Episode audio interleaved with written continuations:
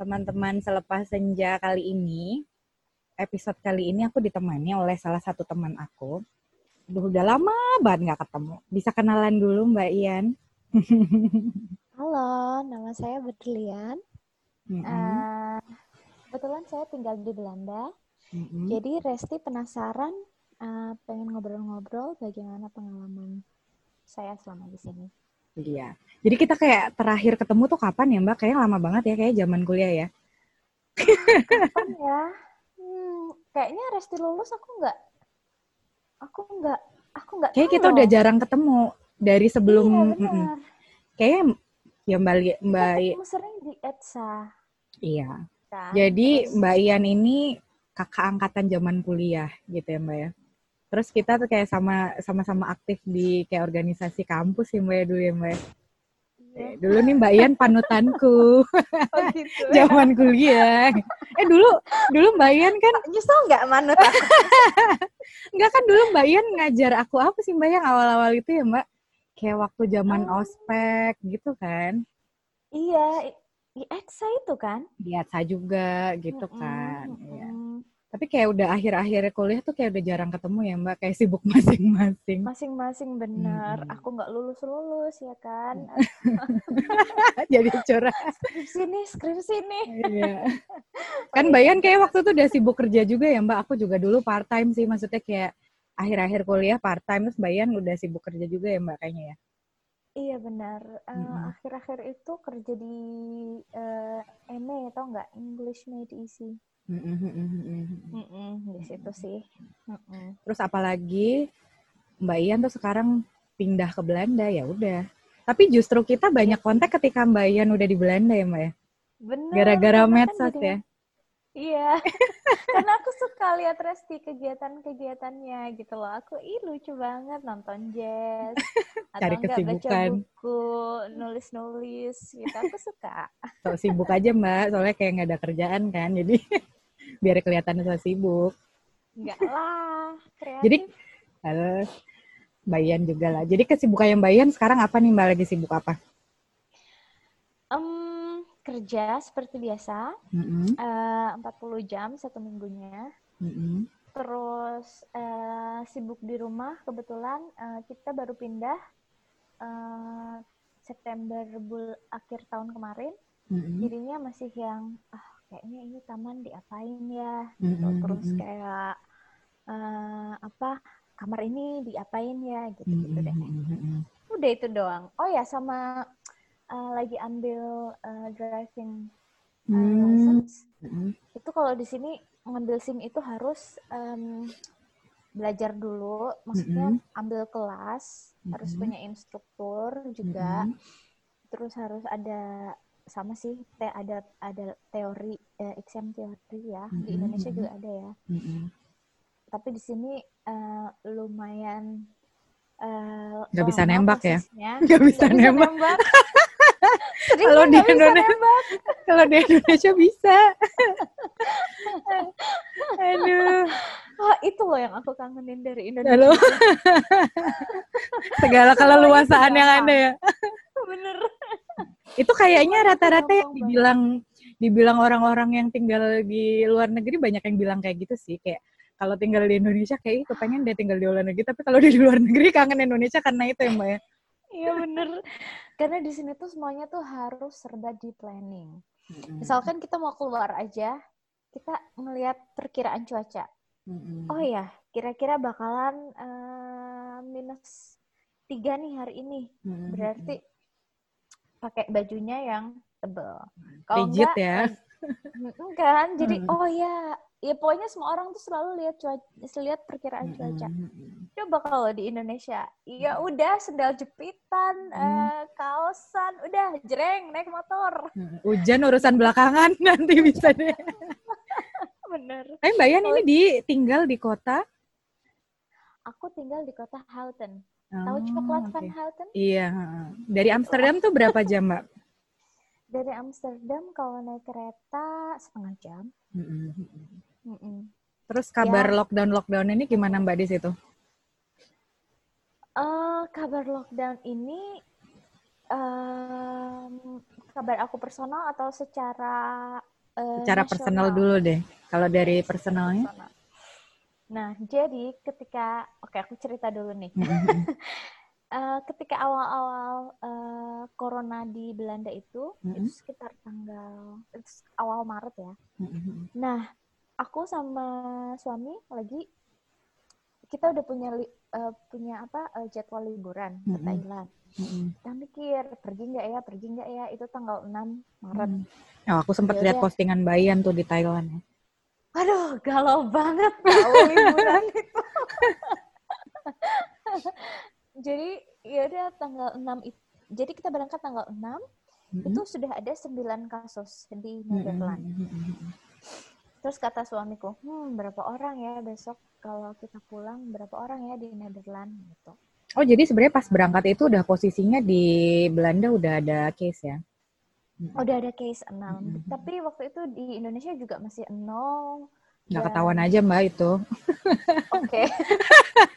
Oke, itu cerita lain. Iya, iya. ya, tapi maksudnya waktu itu pada masih di Cina doang. Jadi Iya, iya. Uh, masih pada orang-orang masih pada yang apa sih corona? Corona itu kan cuma sakit flu gitu-gitu lah. Akhirnya kita pergi kan. Pergi seminggu per, di Thailand udah ada 800 orang yang kena hmm. di Belanda. Hmm, cepet ya? Dua cepet banget ya. Hmm. Terus dua minggu di Thailand 2.400 orang. Wah. Akhirnya kita mikir, aduh, kayaknya kita harus pulang. Hmm. Kita cari-cari tiket untuk pulang. Terus uh, rute perdana menteri Belanda bilang semua orang yang ada di luar negeri uh, harap pulang gitu. Kita akhirnya karena karena dia bilang gitu tiket-tiket tambah naik dong mm-hmm. dan kita tuh yang aduh gimana nih akhirnya tapi untung akhirnya dapat dapat tiket untuk mm-hmm. juga dan uh, sampai sini itu udah ngeri banget keadaannya mm-hmm. Uh, jadi orang-orang uh, panik buying ya lumayan sih nggak terlalu banyak yang panik buying tapi ada ada yang panik buying terus uh, sekolah-sekolah ditutup dan kita ketakutan kan karena kita habis uh, traveling gitu kan mm-hmm. ya udah kita diam aja di rumah 14 hari kita pesan mm-hmm. um, apa belanja itu mm-hmm. on, lewat online mm-hmm.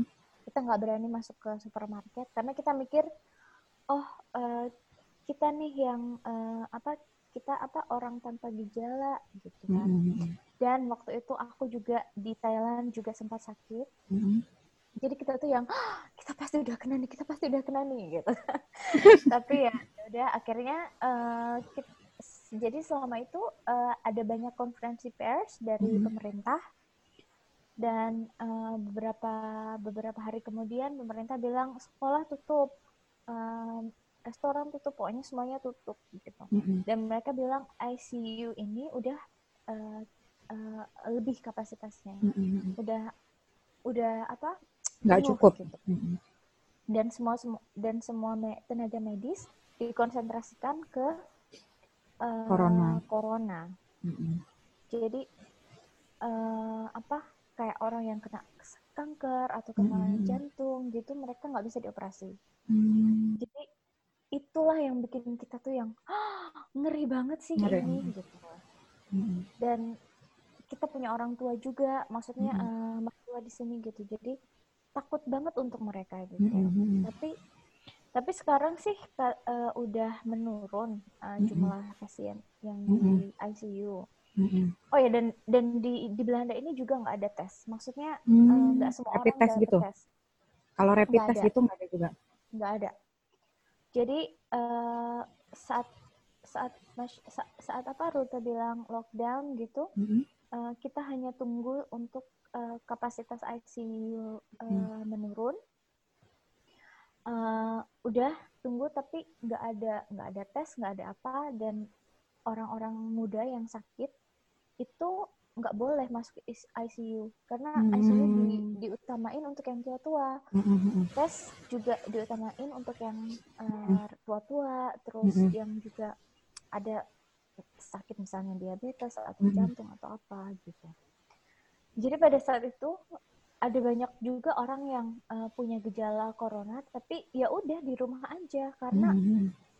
ya nggak bisa ke mana-mana juga maksudnya hmm. Emang udah penuh gitu hmm. itu sih sempat serem banget hmm. nih seperti itu kalau sekarang kondisinya gimana mbak maksudnya perkembangannya tuh kalau di Belanda um, kalau masih lockdown itu uh, udah nggak lockdown maksudnya hmm.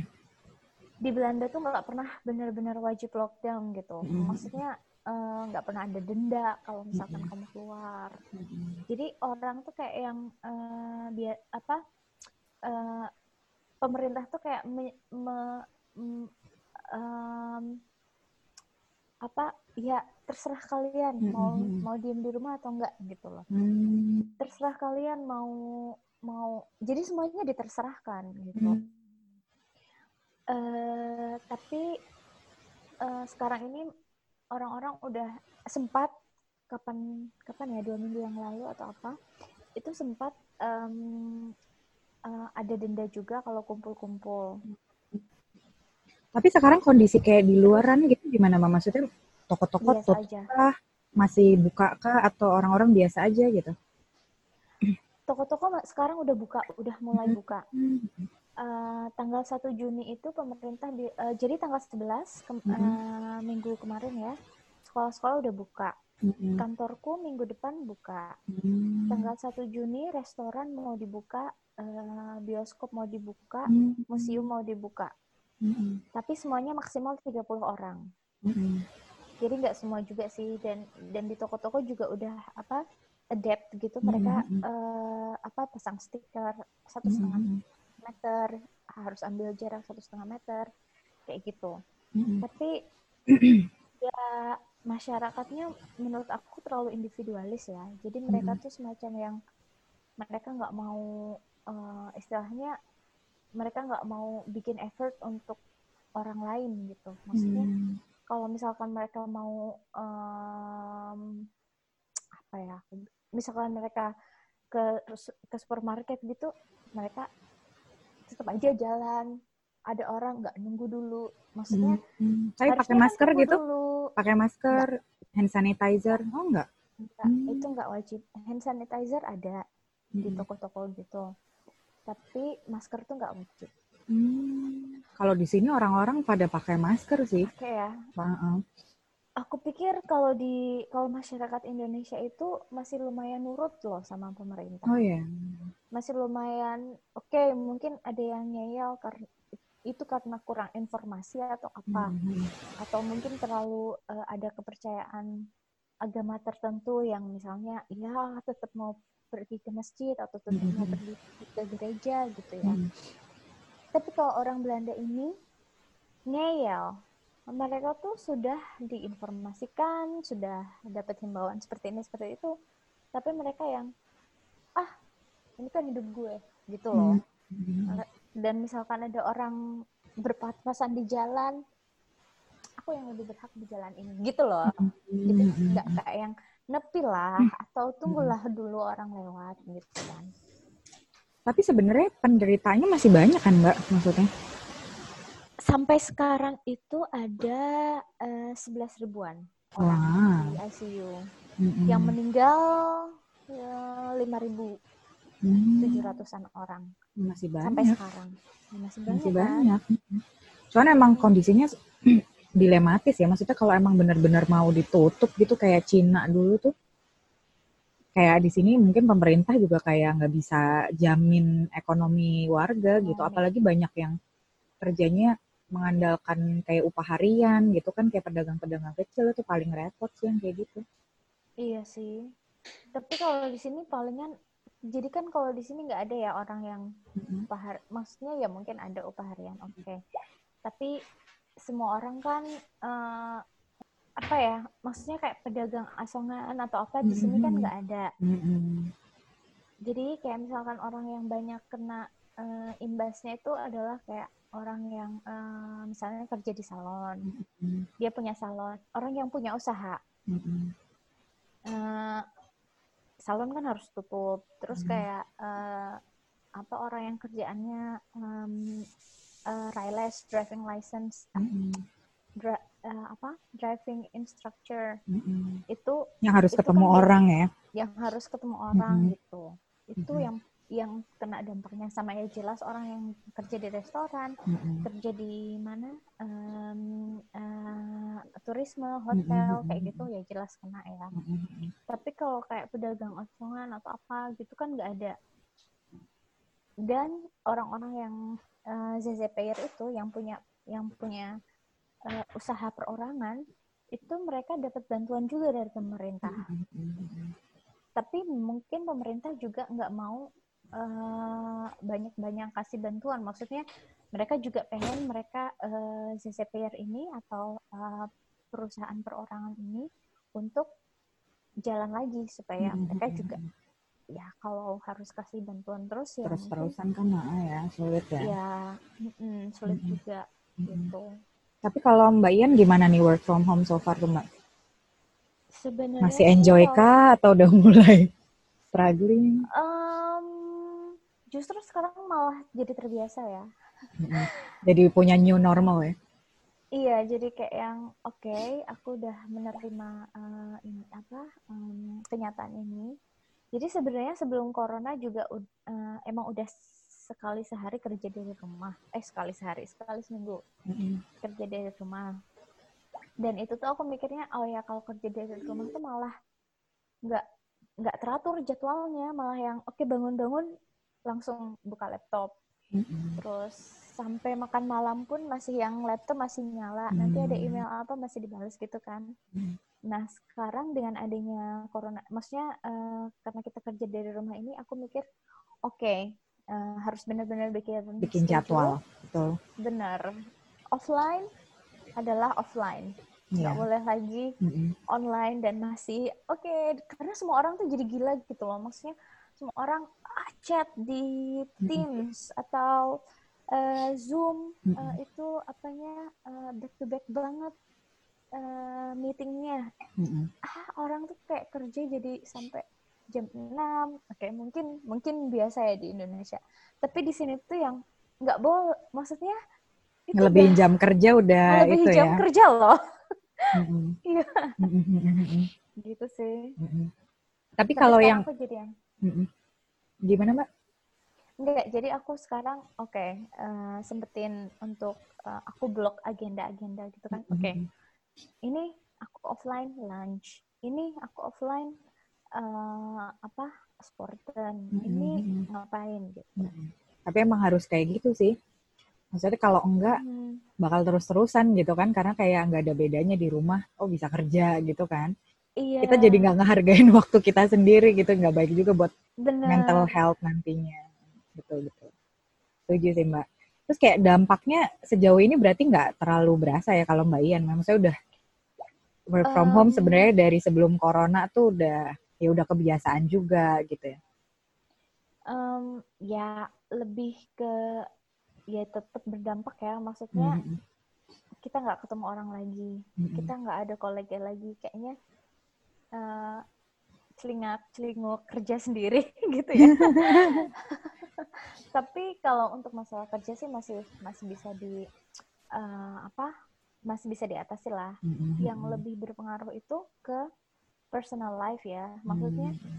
uh, kita nggak ketemu orang kita hmm. nggak hmm. ketemu teman-teman kalaupun misalkan ketemu kita selalu cari uh, oh misalnya saat cuacanya bagus jadi kita bisa di luar gitu hmm. duduknya nggak di dalam rumah hmm. karena kan kalau di luar kan bisa gampang jaga jarak gitu. dan itu tuh menurut aku karena aku dari Indonesia ya yang kita selalu spontan mm-hmm. dan kita selalu apa namanya uh, wah ayo dolan wah mm-hmm. ayo uh, ngapain kita mm-hmm. nongkrong yuk kita apa kalau di sini itu sebelum corona aja kita harus janjian benar-benar sama orang. Rigid kamu ya. free nggak? Rigid ya. jam berapa gitu ya? Jam berapa? Hmm. tanggal berapa? Hmm. nanti dibalasnya pun jam 2 kurang seperempat. Walah semangatnya kurang seperempat segala gitu loh. Jam 2 aduh. Iya iya iya gitu kan orang sini. Itu sekarang tuh yang oke okay, kita tambah benar-benar mikir lagi kalau mau ketemu orang mm-hmm. terus kemarin juga kita sempat pas um, uh, apa uh, pesan kayak pro overall protective um, clothes gitu kan mm-hmm. karena kita udah lama banget nggak berpelukan sama mm-hmm. orang tua mertua kan mm-hmm. jadinya ayolah kita uh, apa mm-hmm.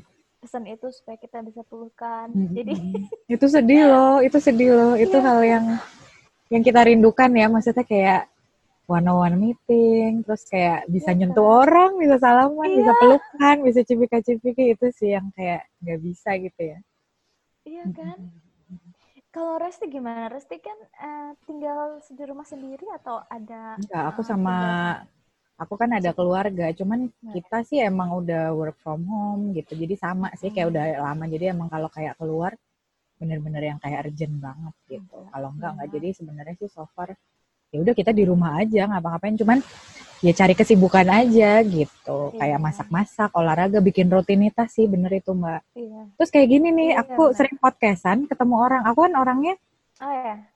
bu apa bukan apa ya senang ketemu orang jadi kalau ngobrol sama orang tuh dapat energi gitu kan terus jadi kayak gini oh, nih iya, kayak bener. sama mbak Ian gitu kan oh, jadi nggak bosen iya. itu salah satunya bener, bisa survive di masa pandemi ini oh, yaitu uh, uh, maksudnya kalau enggak mungkin aku udah bosen banget sih memang gitu jadi kayak create apa ya dapat energi dari ngobrol sama orang terus kayak create sesuatu itu dapat energi lagi sih kayak iya, gitu. benar. Kalau Mbak Ian nah, gimana nah, Mbak? Sisi positifnya apa nih selama pandemi um, ini nih? Kalau sisi positifnya ya kita aku sama suami jadi lebih banyak lebih sering di rumah, mm -hmm. lebih lebih banyak quality time ya. Mm -hmm. Itu sih yang uh, jadi kita tuh kayak yang oh iya ya hal-hal kecil ini harus dinikmati. Maksudnya tadinya ya kita nggak terlalu menghargai kan, tapi ternyata ya ampun bisa uh, pergi bebas keluar, bisa uh, berpelukan sama orang lain, bisa benar-benar spontan ke sana ke sini. Ternyata itu tuh benar-benar berharga banget, gitu sih kalau di sini aku juga kasihan sama orang-orang yang di sini kan banyak yang juga tinggal sendiri mm-hmm. atau enggak orang tua yang tinggal di kayak panti jompo gitu mereka nggak mm-hmm. boleh dikunjungi mereka juga tinggal sendiri juga nggak mm-hmm. kurang sosial mereka tambah mm-hmm. uh, tambah kesepian sih mm-hmm. yeah. jadi aku mikirnya wow uh, aku sama J termasuk yang beruntung banget lah kami mm-hmm. gitu tetap dicari ini lah mbak ya. Rasa apa kayak tetap bersyukur gitu ya maksudnya masih iya kan? apa yang masih kita bisa, rasain masih bisa ketemu paling enggak ngob ada temen aku sama aja ngobrol gitu. Teman-temannya aja yang single uh, mereka mau ngobrol sama siapa? Yang tinggal di apartemen sendirian misalnya. Ya mau sama siapa lagi? Itu udah stres banget sih itu. Terus itu kan. kenapa aku sempat eh, banyak sih lihat kalau yang di luar negeri yang pada tinggal di apartemen pada saling ini ya, pada saling menghibur ya, yang bisa main musik, main musik di balkon gitu-gitu iya. kan. Aku lihat postingan-postingan orang gitu sih kayak ya ampun itu demi buat menghibur ini ya satu sama lain. Iya benar. Tapi challenge terbesarnya Mbak Ian apa sih Mbak selama ini masa pandemi ini sebenarnya? Hmm, mungkin uh, aku jadi lebih dependent sama Jay, hmm. sama suamiku ya. Maksudnya memang udah kesepakatan kami sih untuk uh, aku nggak pergi ke supermarket. Aku mm. aku uh, aku nggak naik public transportation. Ya iyalah. Mm. Tapi, jadi suami yang melakukan itu semua gitu? Jadi suami yang melakukan mm. itu semua. Misalkan aku mau mau apa beli apa kayak sampo habis gitu kan. Mm kalau di sini kan nggak ada warung yang deket gitu ya ada jadi benar-benar harus ke drogis benar-benar hmm. harus ke ke toko gitu kan hmm. jadi aku harus sorry ya sayang pergilah gitu hmm. mungkin kayak itu aja sih hmm. sama yang uh, yang paling aku sedihin adalah aku nggak tahu kapan lagi ketemu keluarga di Indonesia ah iya iya, iya. ya pastinya tapi so far gimana ini ya apa video call paling gitu ya mbak ya video call paling hmm. video call doang uh, Intan adekku hmm. itu juga uh, di Jakarta kan dia hmm. juga nggak pulang nggak hmm. mudik ah, di Jadi sana red zone lagi mbak di sini kan iya Jabodetabek iya, kan? ini kan red zone red zone. Mm-hmm. Orang Temanggung juga banyak kasus kok. Mm-hmm. Jadi apa ya? Uh, mm. Jadi aku tuh takutnya adalah gini, kalau misalkan terjadi apa-apa sama keluarga, aku nggak bisa pulang. Iya, iya itu yang Jadi sedih itu yang, Gimana dong sedih banget kan? Kalaupun bisa pulang ya mana ada pesawatnya. Mm-hmm. Iya kan, nggak ada mm-hmm. pesawat, nggak ada apa. Jadi Ah, jadi berharap hmm. banget mudah-mudahan orang tua sehat, nenek kakek sehat. Iya, gitu. amin. Ya itu yang yang ku takutin juga sih, maksudnya kayak ketika udah apa ya, ketika udah kayak didiagnosa kena corona gitu kan, itu kan kayak udah saat-saat bisa dibilang ya, kita harus yeah. terima bahwa mungkin kita mempersiapkan diri bahwa itu terakhir kali kita ketemu, kita nggak ngerti maksudnya orang itu akan sembuh Benar. atau enggak kan, apalagi kalau udah, jadi amit-amit jangan sampai kejadian ya maksudnya. Nggak ada gitu kan kita pun juga nggak bisa nemuin gitu kan. Bener bener jangan sampai kejadian Jadi, lah sama kita ya mbak ya. Iyalah amin. Hmm. itu sih. Sedih Jadi ya? iya sedih. Sedih banget sih. Terus kalau sama mertua tinggal ini deketan atau Iya hmm. lucu banget ceritanya. Jadi aku kan uh, aku sama suami pindah ke sini bulan September. Mm-hmm. Nah mereka tuh jadi ser, uh, jadi ketika kami pindah kan kita ngecat ngecat, ganti lantai, mm-hmm. terus uh, ya banyak lah yang diperbaiki mm-hmm. gitu kan direnovasi. Jadi mereka sering bantu. Mm. Saat mereka bantu itu mereka bilang, ya ampun di sini tuh enak banget, kita bisa dengar burung, kita bisa mm. dengar. Tadinya tinggal di beda kota atau beda daerah gitu mbak? Beda kota. Oh memang beda kota. Iya, mm-hmm. uh, aku tadinya tinggal di Utrecht mm-hmm. dan apa mertua tinggal di Rotterdam. Jadi mm-hmm. itu 45 menit lah mm-hmm. naik naik uh, mobil. Mm-hmm. Nah lucunya uh, mereka bilang ah kayaknya kita pengen beli rumah di sini gitu. Mm-hmm. Kebetulan beberapa bulan kemudian minggu lah nggak bulan mm-hmm. uh, ada rumah yang di deket uh, uh, di sebelah di gang sebelah lah hmm. di di jalan sebelah next street gitu hmm. dijual hmm. akhirnya mereka beli itu jodoh namanya itu mbak jodoh. iya ya udah cuma dua menit akhirnya untuk pergi ke rumah mertua hmm. jadi aku tuh ngerasa ih lucu banget ini kayak di Indonesia aku suka. Ya kan? Ya kan kalau ada deket anggota keluarga kan lebih ayem ya mbak ya? Iya kan, apalagi kan kalau di sini tuh bener-bener semua mandiri ya, maksudnya eh, nggak uh, bisalah uh, laundry kerjain sendiri, masak kerjain sendiri, uh, bersih-bersih semua sendiri gitu kan. Jadinya kalau misalkan orang tua uh, udah tua, kan susah kalau jauh-jauh ya. Maksudnya kita cuma mau ngebersihin rumah aja harus driving 45 menit mm-hmm. kan ngabisin waktu ya mm-hmm. jadi kita mikir syukurlah kalau misalkan mm-hmm. mereka tua gampang untuk bantu-bantu mm-hmm. gitu pikiran kita tapi so far kan pasti ada bedanya ya mbak maksudnya fase kehidupan nih setelah dan sebelum pandemi cara mengatasinya ya. selain bikin scheduling yang kayak tadi mbak Ian cerita tuh apalagi mbak yang oke okay. yang uh, beda aku sih kalau aku sih uh, sempatkan olahraga mm-hmm. di luar mm-hmm. itu penting banget uh, jadi kita juga nggak harus nggak harus terus nggak harus di dalam rumah terus maksudnya dalam rumah tuh kan kadang pengap ya mm-hmm. dan itu juga uh, nggak sehat mm-hmm. jadi keluar uh, untuk olahraga mm-hmm.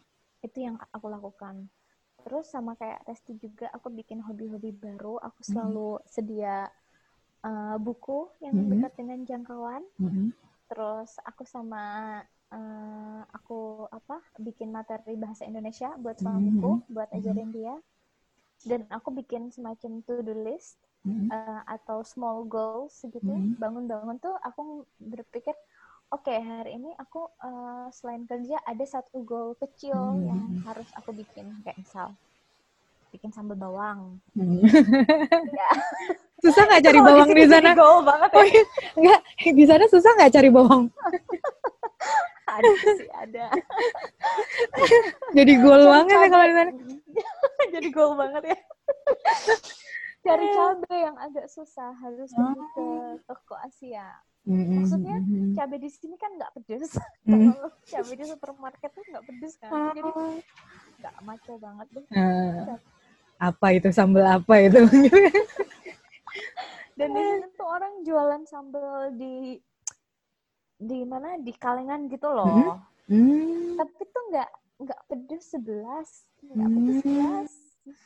Ya berarti Mbak Ian bisa lah itu bikin usaha sambal Mbak. Capek, capek mulutnya. Blender dong Mbak. Oh, iya, Tapi beda rasa ya. Tapi beda rasa. Gak enak tuh. Enak ya ulekan. Tapi nanti lagi lagi goreng sambal gitu, tetangganya pada protes lagi Mbak. Apa ini? Bau gitu apa ya? ini gitu kan?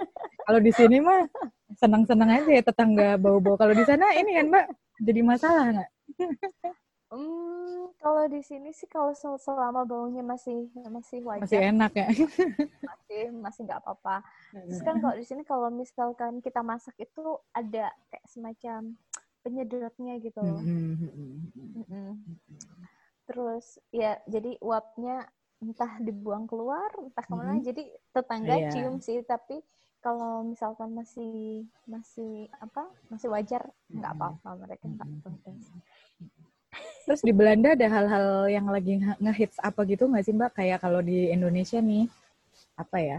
Ya kayak kita lagi kayak di medsos aja rame-rame bikin challenge lah. Karena saking itu ya maksudnya uh, nah, orang-orang. Ya ampun. Kalau di Belanda aku, apa tuh? Ya aku lihat itu challenge challenge uh, apa di medsos gitu. Iya. Yeah. Itu loh yang bikin aku kangen banget sama Indonesia tuh. Emang di sana nggak ya Mbak? Di sini tuh banyak banget loh Mbak kayak gitu Mbak kayak misalkan nih bikin dalgona coffee itu tuh kayaknya oh, iya, tapi bener. itu itu tapi itu nasional eh, internasional ya kayaknya ya. Terus kayak kalau di situ bikin challenge. di oh di situ enggak? Enggak.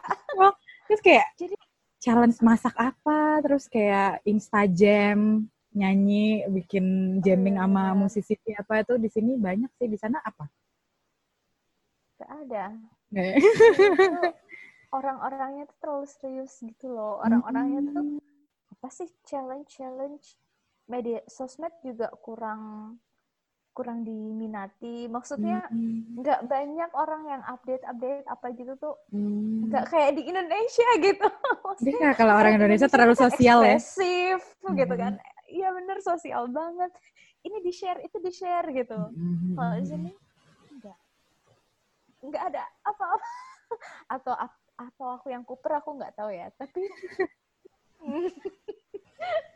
jadi nggak ada yang hits-hits apa nih yang kayak sesuatu yang jadi beda gitu cuman gara-gara ada corona ini gitu? Nggak ada. Hmm. Apa ya orang-orang jadi kayak apa ya masyarakatnya tuh beda. Masyarakatnya iya ya. tuh uh, nggak nggak hangat. Terus masyarakatnya tuh lebih suka ke hal-hal yang kayak uh, menyampaikan kritik gitu. Hmm. Misalnya kalau ada ada ada sesuatu apa gitu dikritik, dibahas. Hmm. Misalnya kayak konferensi pers gitu. Dikritik, dibahas, diprotes. Hmm. Itu aja hobi mereka. Gak ada yang kritisism gitu ya namanya. Oh, iya, orang sini tuh ya ampun. Tuh, tapi so far, yang hangat. Tapi so far Mbak Ian gimana nih tinggal di sana? Eh, sejujurnya kesepian loh. Hmm. Maksudnya, uh, tapi ya mungkin ini proses hidup juga ya. Maksudnya pasti kalau orang yang udah tua itu ya uh, mau berteman juga susah. Maksudnya hmm. lebih susah daripada orang muda ya. Orang muda kan, ayo kita pergi ke konser, ayo kita pergi ke mana gitu. Nah, orang Belanda ini mereka itu susah untuk berteman dengan orang baru, apalagi hmm. orang uh, luar apa yang berasal Beda dari culture. luar negeri. Hmm. Itu karena negaranya kan kecil, hmm. mereka kan sekolah juga zonasi itu. Hmm. Jadi mereka tuh berteman dari SD, dari SMP, hmm. dari SMA. Jadi mereka udah benar-benar ngeklik, ngegeng gitu kan. Hmm. Kita susah untuk uh, untuk masuknya juga juga masuk, itu ya. Gitu. Nah itu dia. Hmm. Cuma mereka ini semua apa namanya um, uh, friendly, helpful mm-hmm. itu iya. Tapi mm-hmm. kalau untuk benar-benar berteman, enggak. Mm. So, jadi, yes, awal-awal apalagi kamu nggak bisa bicara bahasa Belanda, uh, makin-makin ya. udahlah itu pasti apa namanya eh, nggak uh, punya teman jadi mm-hmm. teman-temanku ya uh, orang Indonesia mm-hmm. atau uh, orang yang sama-sama bahasa bah, belajar bahasa Belanda mm-hmm. atau kolega. Tapi kan kayak kolega segala macam kan nggak apa ya nggak uh, yang ayo kita nongkrong ayo kita apa gitu enggak jadi ya uh, gitu deh. Tipsnya apa nih mbak biar apa ya mungkin kayak pendengar-pendengar podcast ini tuh uh, apa ya kayak dapat insight. Kan kayaknya mbak Ian maksudnya masih bisa menghadapi kejenuhan atau apa selama masa karantina ini gitu kira-kira ada tips-tips nggak sih yang meaningful gitu biar kan ternyata banyak orang yang kan stres juga gitu kan apa namanya selama masa karantina ini gitu. Kalau menurut aku sih kita harus positif dan hmm. kita harus ambil harus berani ambil hobi baru. Hmm. Sepakat sih. Ap, apa aja lah uh, itulah small goals. Hmm. Itu tadi misalnya coba-coba aja aku pengen bisa hitung 1 sampai 10 uh, dalam bahasa Spanyol hmm Atau uh, aku pengen masak ini. Goals goals kecil aja yang ya udah cuman untuk iseng-iseng aja, tapi mm-hmm. uh, istilahnya uh, jadi ada sesuatu yang baru. Atau mungkin punya hobi tapi dilakuin terus, didalami gitu juga bisa kali ya. Nah, itu juga bisa kayak Resti ini bikin-bikin podcast. Nah, itu iya cari-cari kesibukan aja. Terus iya, kayak jadi silaturahmi sama temen kan, maksudnya kan? Maksudnya kayak bener, bener. dapet apa ya, ngobrol sama temen. Terus kayak bener. lama nggak ngobrol sama Mbak Ian kayak gini nih, walaupun kita ya nggak belum ketemu lama gitu ya Mbak, tapi paling nggak kan ya inilah mengobati lah, nah, tapi connect gitu kan. Benar. Kayak gitu. Terus jadi bikin sesuatu juga gitu. Gitu-gitu. Iya, bermanfaat. Mm -hmm. Bagus, aku suka banget deh. Harapannya apa sih Mbak ke depannya nih? Uh, ya mudah-mudahan vaksinnya cepat ditemukan. Mm-hmm. Meskipun masih lama kayaknya, masih ada uji coba dan lain-lain. Mm. Terus mudah-mudahan uh, mas apa uh, pemerintah juga kasih atau bisa menyeimbangkan antara um, melawan corona dengan melawan uh, kerusakan collateral damage apa sih? Maksudnya kerusakan yang ekonomi lah atau um, atau aspek lain yang dibawa oleh corona ini. Mm-hmm. Dan mudah-mudahan juga masyarakat nggak ngeyel ya, maksudnya mm-hmm. um, susah aja juga, lah gitu. Benar, susah juga untuk cari cari jalan keluar uh, di untuk pandemi ini, maksudnya uh, pandeminya belum selesai tapi masih ada uh, apa uh, masalah ekonomi masalah ini jadi ya mudah-mudahan masyarakat nggak nambah-nambah masalah gitu mm -hmm. maksudnya ya udah nurut-nurut aja nggak usah ngeyel nggak mm -hmm. usah gimana-gimana karena ada juga yang ngeyel dan kita jadi itu membahayakan orang mm -hmm. gitu tanpa mereka sadari mm -hmm hal Dan apa sih? Mudah-mudahan bisa cepat ketemu keluarga. Ah, itu ya. It, apa hal apa yang akan dilakukan Mbak Ian nih kira-kira kalau pandemi ini berakhir? Pertama dilakukan di Mbak Ian. Kalau vaksin ditemukan maksudnya? Ya, pokoknya pandemi Atau ini berakhir gitu. Pandemi berakhir. Ya, Pasti. mungkin bisa dibilang ya mungkin minim udah udah sangat minim gitu yang kena gitu kan terus bisa beraktivitas lagi seperti biasa gitu apa yang akan Mbak lakukan? Oke. Okay aku pengen ngedance. oh, hobi nih, hobi dance ya? Enggak sih, jadi tapi itu kayaknya tuh ah, kangen banget keluar pergi mm -hmm. ke uh, ke klub atau apa mm -hmm. terus ya udah nari aja gitu. Kumpul-kumpul sama orang gitu ya. Iya kan? Ambience-nya itu kayaknya udah ya. Ah, ayo musik, tari mm -hmm. gitu. Tapi, Tapi aku ngalamin tuh Mbak masih ke konser yang pas lagi apa masa ini corona ya. dan udah banyak orang pakai masker itu ngalamin aku kemarin di Java Jazz terakhir serius itu masih boleh? Iya masih bulan apa ya um, akhir Februari banget, akhir banget. Oh ya. Yeah. Kan biasanya Java Jazz tuh antara akhir Februari dan awal Maret itu kan. Itu kayak cuman selang berapa hari. Uh, terus ha habis itu ada dua orang pertama yang kena di Indonesia. Java Jazz itu? Enggak, maksudnya oh, nasional okay. ngumumin gitu kayak. Oke. Okay. Oh ini ada dua orang yang kena. Ada dua. Itu aku lumayan oh, iya, deg-degan. Itu cuman kayak selang berapa hari nggak ada satu minggu itu aku udah lumayan deg-degan gitu sih jangan nyampe nanti ada laporan gitu di TV kalau yang kena berasal dari Java aja. Aduh maafkan aku. Iya maksudnya kayak iya karena itu kan apalagi acaranya internasional kan kayak dari mana-mana datang. Dan itu orang-orang semua udah pakai masker, udah banyak yang pakai masker, nggak semuanya sih tapi udah oh. banyak dan musisinya pun udah apa ya, udah banyak yang nggak bisa datang-datang kayak gitu dari luar. Oh, Karena memang yeah. udah iya, misalkan udah ada larangan untuk eh, terbang keluar dan sebagainya macam gitu.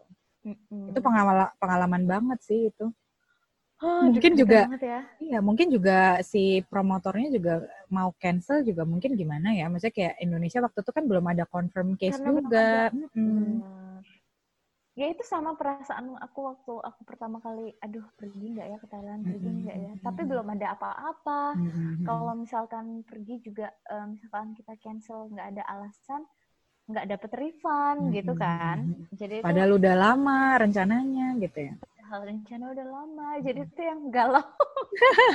Liburan tergalau semua iya. Ya, tapi untungnya sampai hari ini kan sehat-sehat ya. Mudah-mudahan sehat-sehat terus sampai akhir pandemi ini ya mbak ya Amin. Pasti juga ya. Iya, iya. Bayan dan keluarga di sana juga. Amin. Jadi mungkin mau ngapain kalau, kalau aku, pandemi ini berakhir? Pergi. Aku kepengen ini sih kayak ngumpul, enggak kayak ngumpul aja sama temen aja sih, kayak ngobrol langsung ketemu itu yang paling ngaget, apa paling ngangenin sih. Iya. Iya kan? Jadi kayak apa sih sama teman-teman aku gini juga sering nih kalau kadang yang biasa nongkrong bareng gitu tuh sering zoom kayak gini kan. Cuman karena biar mengurangi kebosanan aja jadi kayak ya kangen ini sih interaksi langsung lah. Interaksi, ya, interaksi langsung. Kan beda ya mbak ya? Mm-mm. itu sih yang dirindukan aku pengen banget sih ajak apa orang tua aku ke sini mm itu tapi aku belum berani kalau kalau belum ada vaksin. jangan dulu lah. Ngeri ngeri.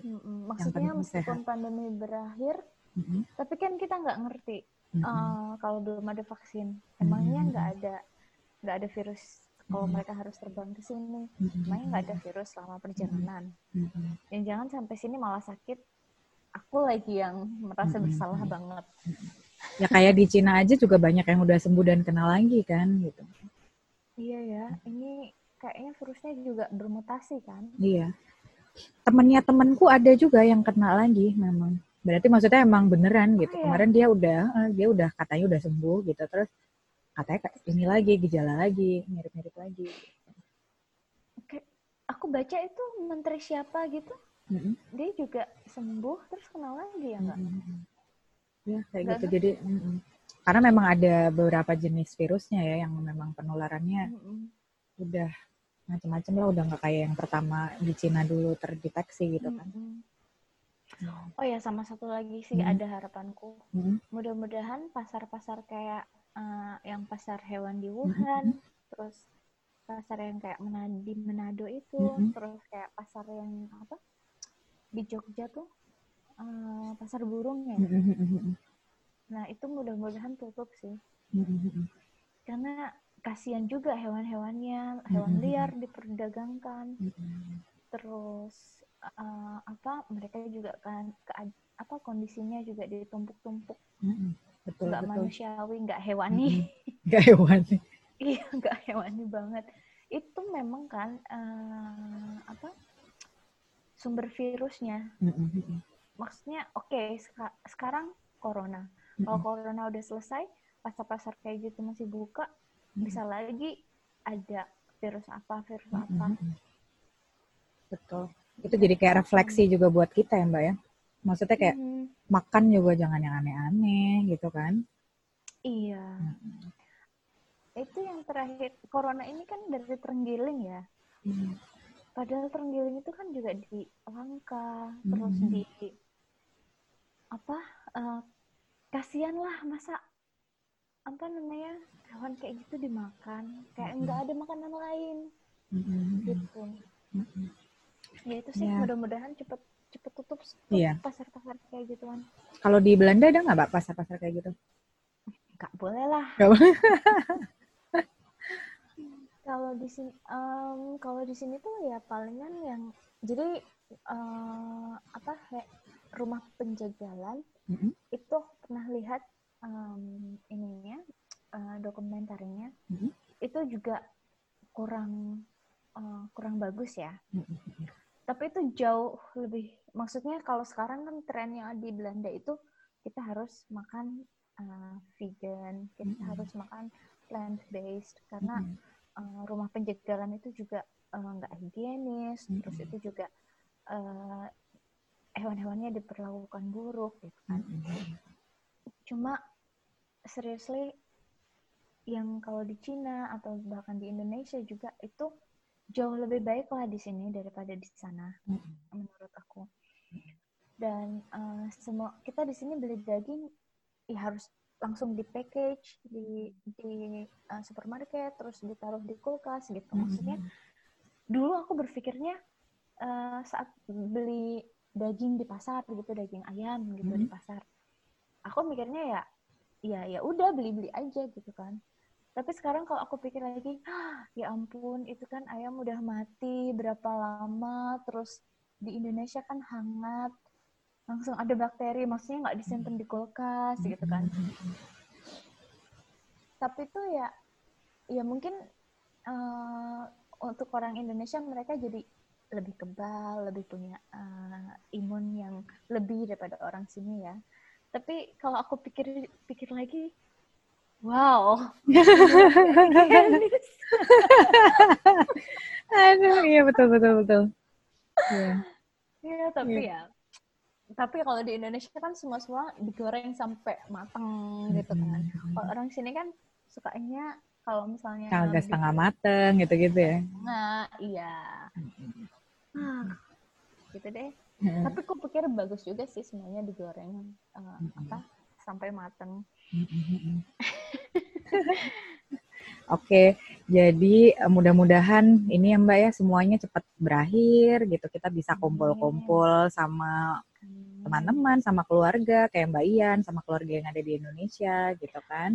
Bisa beraktivitas seperti biasanya. Makasih banget loh Mbak Ian ngobrol-ngobrolnya. Aku jadi dapat ya. insight-insight, dapat cerita-cerita serunya Mbak Ian di sana. Sama-sama, makasih banget udah hubungin, makasih banget udah mau ngobrol sama aku. Iya. Yeah. Makasih banget udah reconnect. Ih, finally. Moga-moga yeah. nanti kalau Mbak Ian main ke Indonesia, kita bisa ketemu-temu ya Mbak ya. bisa Amin. jumpa. Oke, okay. okay, terima kasih teman-teman. Ya. Iya, sip sip. Oke, okay, gitu aja teman-teman podcast lepas senja. Sampai jumpa di episode berikutnya.